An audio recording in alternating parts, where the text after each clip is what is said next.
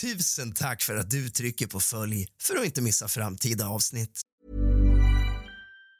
Say hello to a new era of mental health care.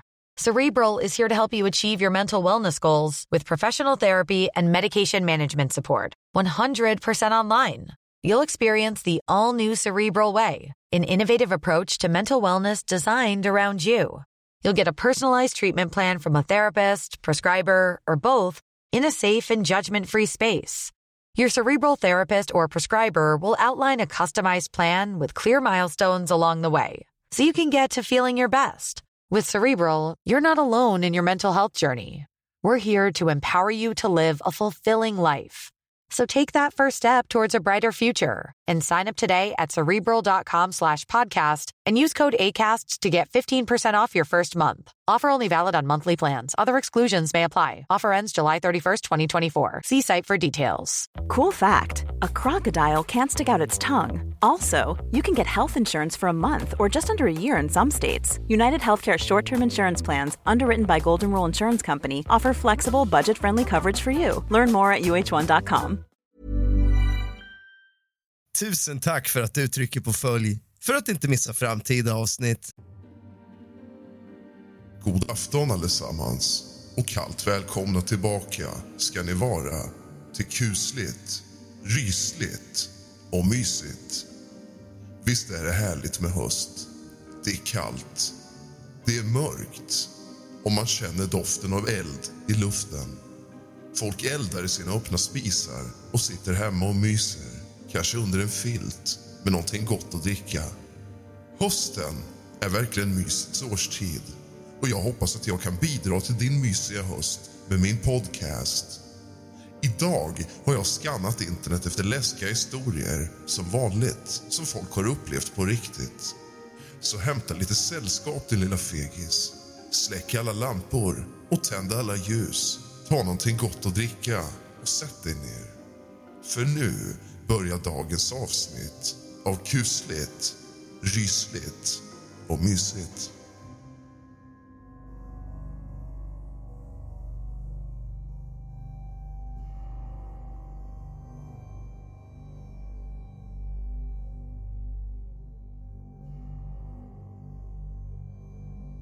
När jag var 19 år hade jag en lägenhet med ett sovrum i New York med en rumskamrat. Jag hade sovrummet, hon hade vardagsrummet och det fanns en lång smal hall mellan de två rummen. Några månader efter att vi hade flyttat in började en kvinna på övervåningen som var 26 år och mycket dramatisk be om att få låna vår telefon.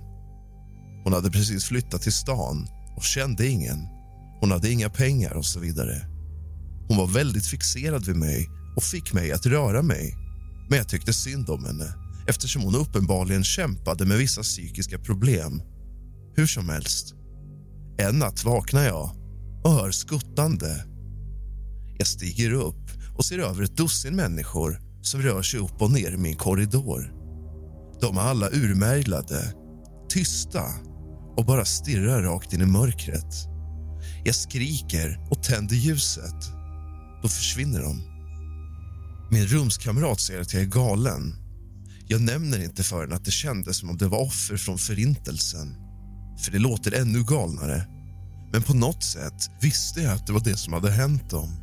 Några nätter senare vaknar jag av att fler förintelseoffer står i mitt rum. De tittar inte på mig, utan bara stirrar ut i tomma intet. Jag tänder återigen ljuset och de är borta. Vid det här laget känner jag mig jävligt hemsökt men har ingen aning om varför det händer. Sen kommer grannen ner två nätter senare i en badrock. Hon är uppenbart förvirrad och medan vi pratar börjar blod tränga genom badrocken. Hon har skurit sig själv med en kniv på magen, benen och brösten och så vidare. Blod rullar ner längs hennes ben och rinner ner på golvet. Vi ringer 112. Ambulans och polis kommer. De skickar mig upp till hennes lägenhet för att hämta kläder som hon kan ha på sig till sjukhuset. Jag går upp till hennes lägenhet. Där har jag aldrig varit. Alla lampor är tända, tvn är på och kranen är igång. Inte bara i badrummet, utan även i köket. Överallt på väggarna finns foton av henne i koncentrationsläger som hon besökt i Europa. Över 30 svartvita bilder på henne av dessa platser och alla bilder av förintelseoffer tillsammans med lappar som hon har skrivit ut och tejpat där det står Jag borde ha dött och så vidare. Varje vägg är täckt av anteckningar och bilder från Förintelsen. Jag är helt creeped out, men jag tar kläder och tar med dem till henne till sjukhuset där de tack och lov tar emot henne. På väg tillbaka till vår byggnad ser jag min rumskamrat gå mot mig med ett skräckslaget ansikte.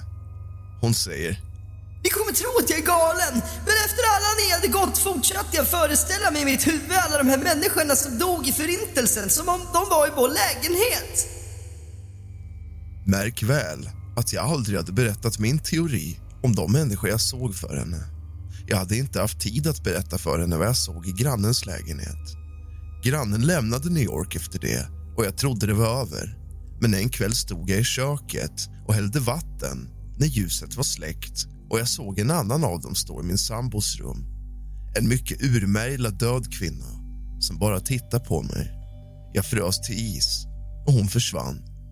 Det slutade med att vi hyrde ut i andra hand under sommaren och båda flyttade ut.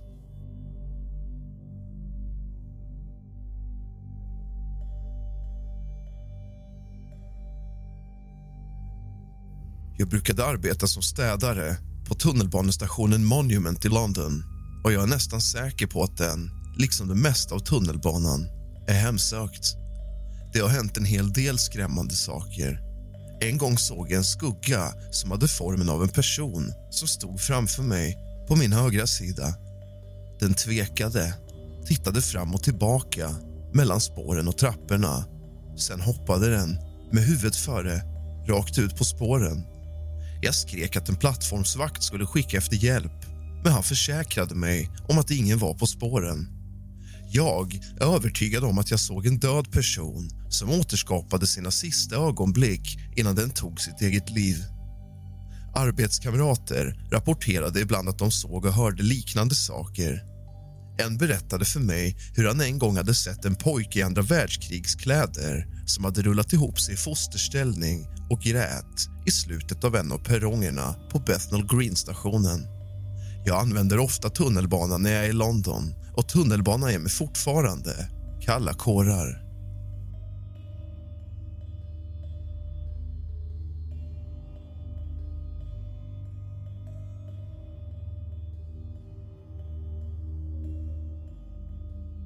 Jag har surfat lite på det här forumet och läst läskiga historier och kom då på en av mina historier som min mamma berättade för mig som utspelade sig från när jag var väldigt liten.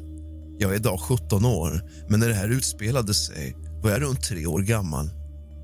Min mamma är terapeut. Hon har haft massor av klienter med psykiska störningar PTSD, självmordstankar, OCD och så vidare. Hon hade en klient som var en kvinnlig polis. Hon hade börjat gå i terapi eftersom hennes dotter nyligen gått bort och var helt förkrossad. De hade gått några sessioner tillsammans tills det kvinnliga polisoffret slutade med att ta sitt eget liv. Jag är inte riktigt säker på hur lång tid som hade gått efter hennes bortgång när min paranormala upplevelse inträffade. Kanske några dagar, möjligtvis upp till en vecka. Men en dag, kort därefter, var jag i mina föräldrars sovrum bredvid min spjälsäng när jag tittade in i deras garderob och såg en mörk gestalt stå där.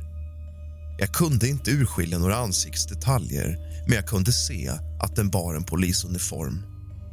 Den var inte skrämmande eller hotfull för mig på något sätt. Jag gick ut i sovrummet och fram till min mamma och sa Mamma, det står en polis i din garderob. När jag mindes historien berättade min mamma att hon genast fått rysningar och blev förvånad över vad jag just hade sagt. Så ja, det var det. Personligen minns jag inte mycket av det förutom det vaga minnet av att jag såg den skuggiga figuren i mina föräldrars garderob. Jag har hört att små barn är mer benägna att se övernaturliga saker så det är logiskt att det hände mig i ung ålder.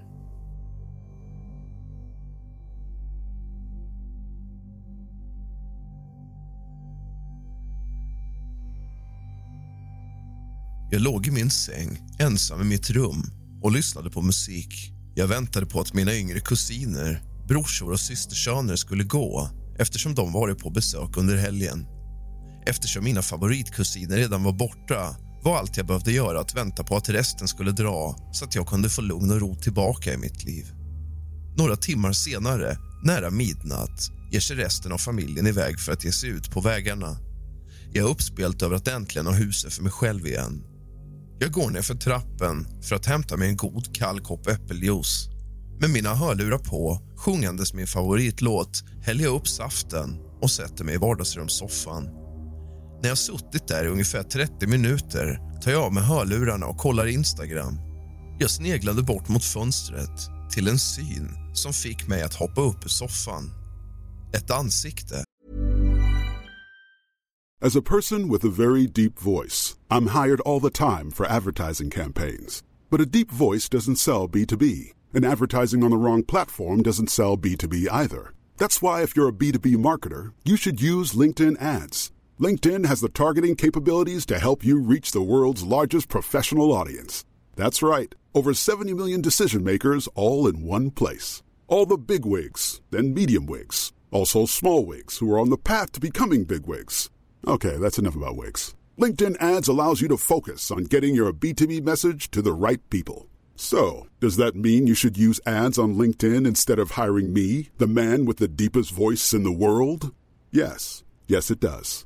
Get started today and see why LinkedIn is the place to be to be. We'll even give you a $100 credit on your next campaign. Go to linkedin.com slash results to claim your credit. That's linkedin.com slash results. Terms and conditions apply. Normally, being a little extra can be a bit much, but when it comes to healthcare, it pays to be extra.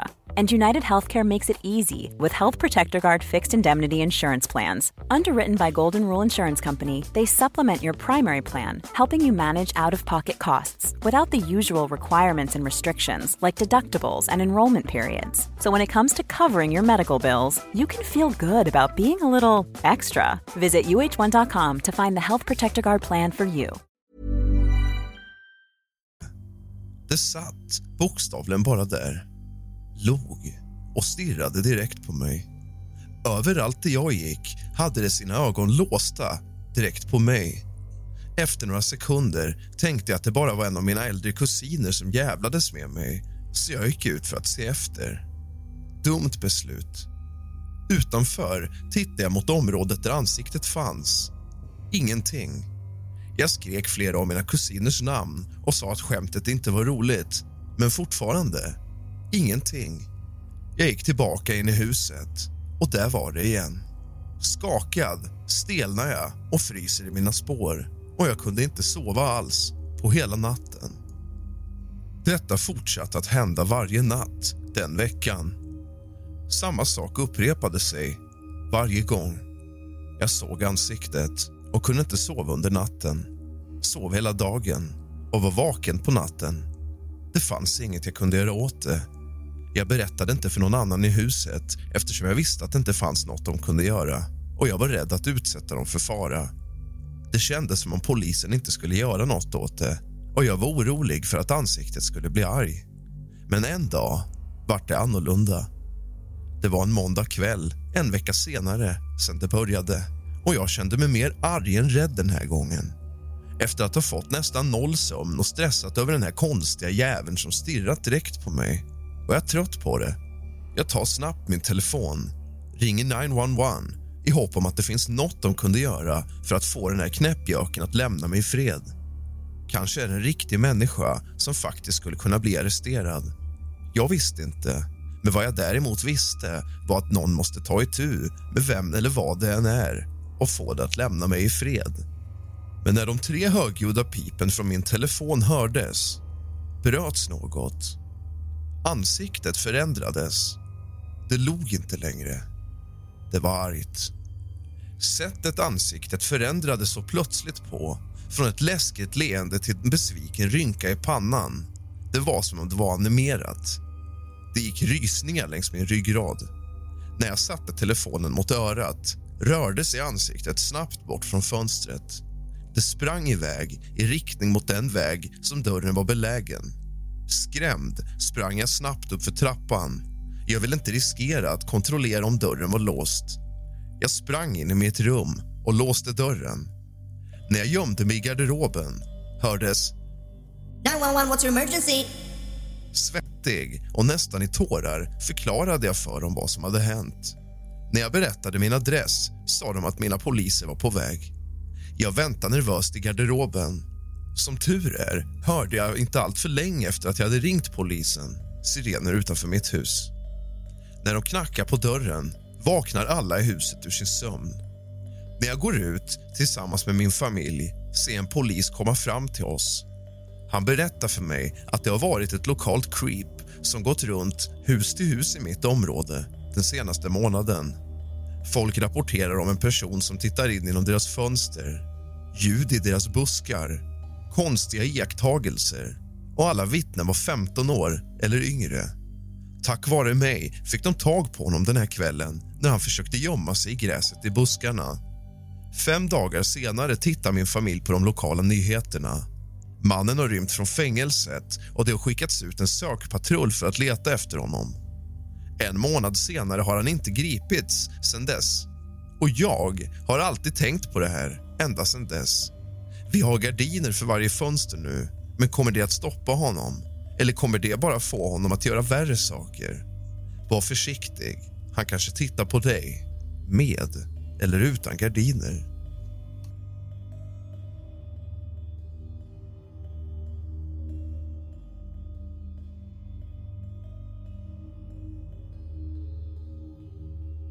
Jag byggde min dator för ungefär fem år sedan.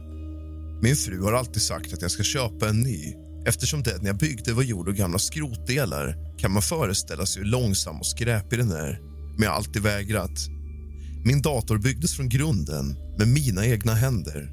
Om den funkar behåller jag den. Det har alltid varit en stor grej för mig, till ungefär förra månaden. Min dator hade varit mycket långsammare än vanligt Slumpmässiga filer dyker upp från ingenstans i mappar som man bara kan hitta om man söker upp dem i startmenyn. Så småningom har dessa filer tagit upp allt utrymme på hela hårddisken. Jag tänkte mig att det måste vara ett virus som ligger bakom det här så jag bestämde mig för att utföra en djupgående genomsökning. Men inga virus. Jag hade laddat ner ett antivirusprogram från tredje part, ett av de bästa. Men inga virus. Jag var förvirrad. Jag bestämde mig för att ta saken i egna händer och ta bort dem manuellt.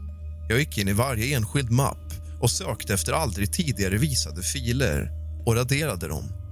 Efter ungefär fem timmar hade jag lyckats ta bort de flesta av dem. Men jag snubblade över en märklig video som jag aldrig har sett förut. Jag bestämde mig för att öppna den. Där såg jag mig själv med min vackra fru och med min fem månader gamla dotter. Det var ett fem sekunder långt klipp där min fru kysser min dotters kind och jag kysser den andra. Något var fel. Jag har aldrig tagit den här videon. Ingen har filmat den. Den har inte gjorts. Jag gick ut genom fönstret och tittade på videons egenskaper. Videon togs den 15 juli 1989, dagen då jag föddes. Head over to Hulu this March, where our new shows and movies will keep you streaming all month long. Catch the acclaimed movie All of Us Strangers, starring Paul Mescal and Andrew Scott. Stream the new Hulu original limited series We Were the Lucky Ones with Joey King and Logan Lerman. And don't forget about Grey's Anatomy. Every Grey's episode ever is now streaming on Hulu. So, what are you waiting for? Go stream something new on Hulu. Jag var förvånad. Jag tänkte att det kanske var ett fel eller en bugg. Men vilket sammanträffande. Jag uppdaterade fönstret, förvirrad. Varför hade videon tagits på exakt mitt födelsedatum? Hur togs videon på exakt mitt födelsedatum? Jag sökte i timmar. Efter att inte ha hittat något och ingen anledning till att det skulle ha hänt bestämde jag mig för att titta närmare på videon igen. Den såg helt normal ut för mig. Jag tittar på videon om och om igen och försöker hitta några avvikelser. Jag la till slut märket till något märkligt. Varje gång jag tittar på videon igen såg min dotter annorlunda ut. Hennes hår skulle sakta vissna. Det blev gråare och gråare för varje gång jag tittade på den. Jag tittade på det igen. Jag märkte något annat, ännu mer skrämmande. Min frus ansikte. Blod läckte ur hennes porer som om hon hade drabbats av strålningsförgiftning. Och jag, jag slukade min egen dotter. Jag var förödmjukad. Vad i helvete? Vilken sjuk jävel skulle göra det här? Jag skrek. Jag lämnar omedelbart fönstret och raderar videon. Jag bestämmer mig för att sluta för idag och stänger av min dator. Nästa dag bestämmer jag mig för att fortsätta radera dessa mystiska filer. Jag startar upp min dator för att se. Ingenting. Absolut ingenting. Inget annat än det här ögonbedövande ljusblå standard Windows underläggsbilden. Liksom. Ingenting på skrivbordet. En ren jävla tavla. Min hårddisk har raderats.